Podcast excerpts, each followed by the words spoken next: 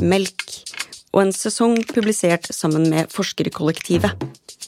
Dette er én av fire nye noveller som utforsker påvirkningen pandemien har hatt på nære mellommenneskelige relasjoner. Festen er skrevet av Linn Preutz. Novellen leses av Sofia Knutsen Estifanos. Kort tid etter jeg fylte 40, hadde jeg truffet Torunn på et salgsmøte via jobben. Dattera til Torunn, Emily, var knapt ti år. Jeg elska Torunns ro. For Torunn var det ingenting som hasta. Jeg kjente meg så fredelig sammen med henne. Etter hvert blei det paradoksalt nok også det som irriterte meg ved henne. Iblant blei hun litt vel avslappa, og ting hadde en tendens til å hope seg opp eller skli ut. Det som var avslappende for henne, blei etter hvert ganske stressende for meg. Da var det godt å koble ut over en øl med Katrine. Katrine var seks år eldre enn meg. Jeg hadde allerede visst om henne som barn fordi vi begge var fra den samme lille bygda. Alle visste hvem Katrine var. Hun var den eneste åpne lesbiske der. Hun virka så sterk, så uanfekta, og fikk være i fred, men jeg kunne ennå huske hvordan folk snakka lavmælt da Katrine dukka opp på postkontoret, i butikken på hjørnet, og hvordan folk skulte på henne i skjul. Jeg hadde også kikka, men jeg hadde samtidig kjent en dragning mot henne i åra på ungdomsskolen. Det hadde gjort meg forvirra. Da jeg begynte i niende, hadde Katrine flytta fra bygda.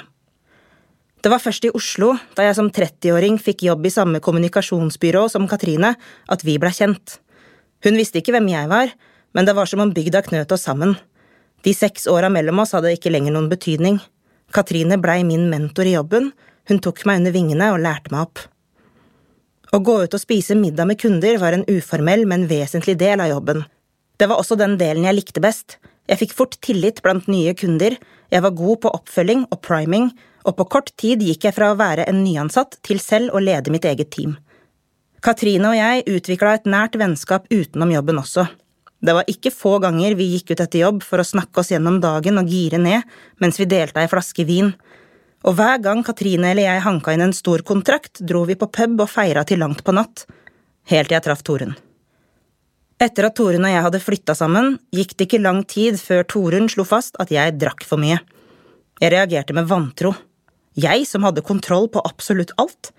Jeg har langt mer orden på livet mitt enn du noensinne har hatt, hadde jeg hvest til henne, men jeg drikker i hvert fall ikke hver eneste kveld, hadde Torunn svart og sett bebreidende på meg. Emily skal ikke vokse opp med en som drikker, hadde hun fortsatt. Jeg husker hvordan jeg hadde ropt til Torunn at hun var latterlig. Etter det kranglet vi oftere. Det handla nesten alltid om hvor ofte jeg var ute med kunder eller ute og drakk med Katrine. Jeg blei så provosert over måten Torunn reduserte vennskapet mitt med Katrine til drikking på. Det var ikke sjelden at kranglene endte med at jeg skreik til Torunn at hun var en kontrollfrik, før jeg smalt igjen døra bak meg og løp ut. Som oftest løp jeg til Katrine, skrudde av mobilen og blei til dagen etter.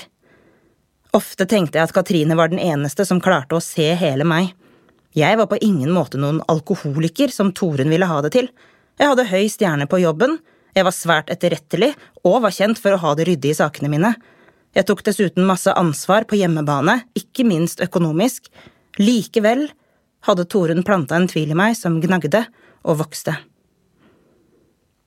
Etter utmattende krangling over lang tid oppsøkte jeg omsider en psykolog. Det hadde blitt flere runder i terapi over snart tre år nå. Selv om psykologen aldri hadde nevnt med et ord at jeg var noen alkoholiker, så hadde jeg etter hvert skjønt at jeg kanskje hadde et problematisk forhold til alkohol. Da Norge stengte ned i fjor, blei det bråstopp på middager, fredagspils, drinker med jobben, selskap og feiringer. Plutselig hadde jeg kjent en fredelig stillhet inni meg. Det overraska meg men jeg falt til ro i den perioden. Jeg syntes det var så deilig. Torunn og jeg krangla betraktelig mindre. En dag bestemte jeg meg bare for å slutte å drikke. Du trenger jo ikke å slutte helt, hadde Katrine sagt på telefon, men jeg hadde kjent meg så innmari ferdig med det. Ferdig med alkohol, men uten at jeg ønska å lage noe drama rundt det, hadde jeg tenkt. Bortsett fra Torunn og Katrine var det ingen som trengte å vite noe om det, verken pappa, brødrene og svigerinnene mine eller noen andre. Det var jo på en måte ingenting å si noe om heller, hadde jeg sagt til Torunn. 30. januar nærma seg, dagen jeg fylte år. Jeg hadde ikke planlagt å gjøre noe ut av bursdagen min. Etter at jeg traff Torunn, blei det som oftest middag med henne og Emily. Et par ganger hadde Torunn og jeg reist vekk, men i år fylte jeg 50. Alle vennene mine og hele familien hadde uttrykt at de forventa en fest. Jeg var ikke så begeistra for tanken på fest nå, egentlig, men det var først da Emily hadde sagt at det hadde vært hyggelig med en markering, at jeg bestemte meg for å feire. De nye koronareglene kom likevel som en velsignelse. Jeg lå på sofaen i stua og så på ekstrasendinga da Raymond Johansen sa at det var gjeninnført kraftige tiltak i Oslo på grunn av den britiske mutanten. Han så myndig inn i kameraet og sa fra nå av skal det være minimum to meter mellom hver person av ulik husstand og uansett maks fem gjester. Det var allerede blitt skumring ute, men inni meg var det noe som klarna. I familien min var vi 14 til sammen. Nå kunne jeg melde pappa, brødrene og svigerinnene mine i fellestråden på Messenger og si at jeg dessverre ikke fikk feira, at vi fikk ta det opp igjen. Jeg kjente meg så letta. Brødrene mine hadde svart i rask rekkefølge. Dette forsto de godt. Ingen ville ta sjansen på å bli smitta, og ingen ville risikere å smitte pappa, som var i risikogruppa. Etter at familien min hadde svart på Messenger, gikk jeg ut på kjøkkenet og satte meg foran Mac-en. Koronareglene hadde gitt meg lyst til å forberede en liten vennefeiring for fem utvalgte. Nå kunne jeg invitere til en liten middag og samtidig opplyse om når festen måtte slutte uten at jeg virka sær. Denne avgrensa muligheten hadde gjort meg oppstemt. Jeg bestilte to luftrensere på klikk og hent som skulle filtrere vekk et hvilket som helst luftbårent virus. Luftrenserne kunne jeg hente på utsiden av Elkjøp allerede samme kveld. Deretter hadde jeg meldt Katrine. Selv om jeg ikke så Katrine så ofte som før, så tenkte jeg på henne som en av mine aller nærmeste. Hun var den jeg ville invitere først. Jeg sendte henne en invitasjon i Messenger. Hun hadde vært aktiv i samme øyeblikk som jeg sendte meldinga. Jeg satt spent og venta på svar. Katrine var taus. Jeg sjekka at jeg hadde sendt meldinga til rett Katrine, og observerte med det samme at hun hadde sett meldinga mi. Hun hadde sett, men ikke svart. Jeg lot Mac-en stå åpen, reiste meg, rista en brødskive, tygde den stående mens jeg tømte oppvaskmaskinen og satte inn det skitne. Jeg satte meg foran Mac-en igjen. Nå hadde Katrine sett invitasjonen for ti minutter siden uten å svare. Jeg kjente en svak murring inni meg. Plutselig løp fingrene mine over tastaturet. Uten å tenke meg om hadde jeg sendt av gårde invitasjoner til fem andre venner som jeg hadde samla i en gruppe på Messenger. Merete, Helen, Randi, Ellen og Britt Heidi. I løpet av tre minutter hadde alle fem svart at de ville komme for å feire meg. Jeg reiv av meg den tjukke genseren og skrev raskt til Katrine. Fordi jeg ikke har hørt noe fra deg, og det kun er en uke til, så håper jeg du forstår at jeg vil invitere videre på listen min. Jeg håper uansett vi ses når flere er vaksinert. Etter å ha sendt meldinga hadde jeg klappa sammen Mac-en, gått inn i stua, slengt meg utover i sofaen og skrudd på TV-en. Der sto Høie og gjentok det samme mantraet som Raymond hadde kommet med tidligere. Jeg tvang meg til å ikke sjekke Messenger. Etter et kvarter klarte jeg ikke vente lenger. Jeg gikk inn og sjekka Messenger på mobilen. Det dunka inni meg da jeg så at Katrine hadde svart rett etter at jeg hadde sendt den forrige meldinga. Beklager forvirring, tenkte å si fra om jeg ikke kom, så planen er å komme. Klem. Det flamma opp inni meg. Litt forhastet hadde jeg invitert seks venner. Hva ville naboene si om de så det? Folk fikk jo bøter for å være én for mange nå. Samtidig var det ikke mulig for meg å si til Katrine at hun, min beste venn, ikke kunne komme likevel. Men til hvilke av de andre skulle jeg si at du, vi er en for mange? Heller ikke det gikk. Jeg kjente meg varm og dum.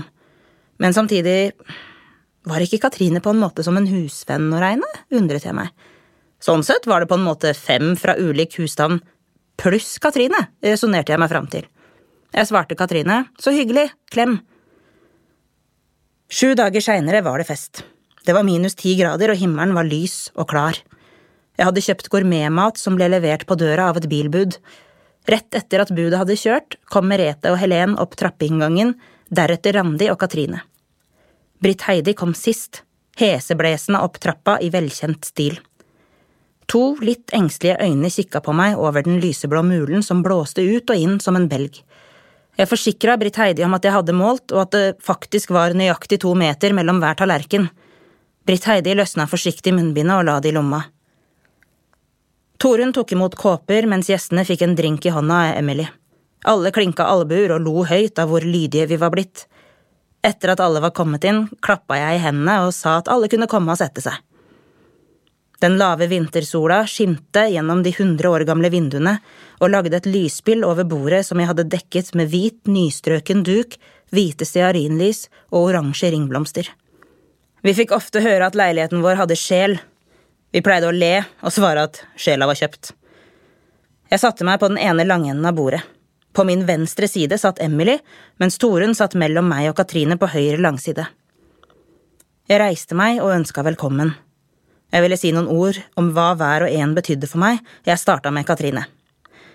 Katrine, du forstår noe som ingen andre av vennene mine begriper. Ikke engang Torunn, sa jeg, og smilte mens jeg nikket anerkjennende bort til Katrine.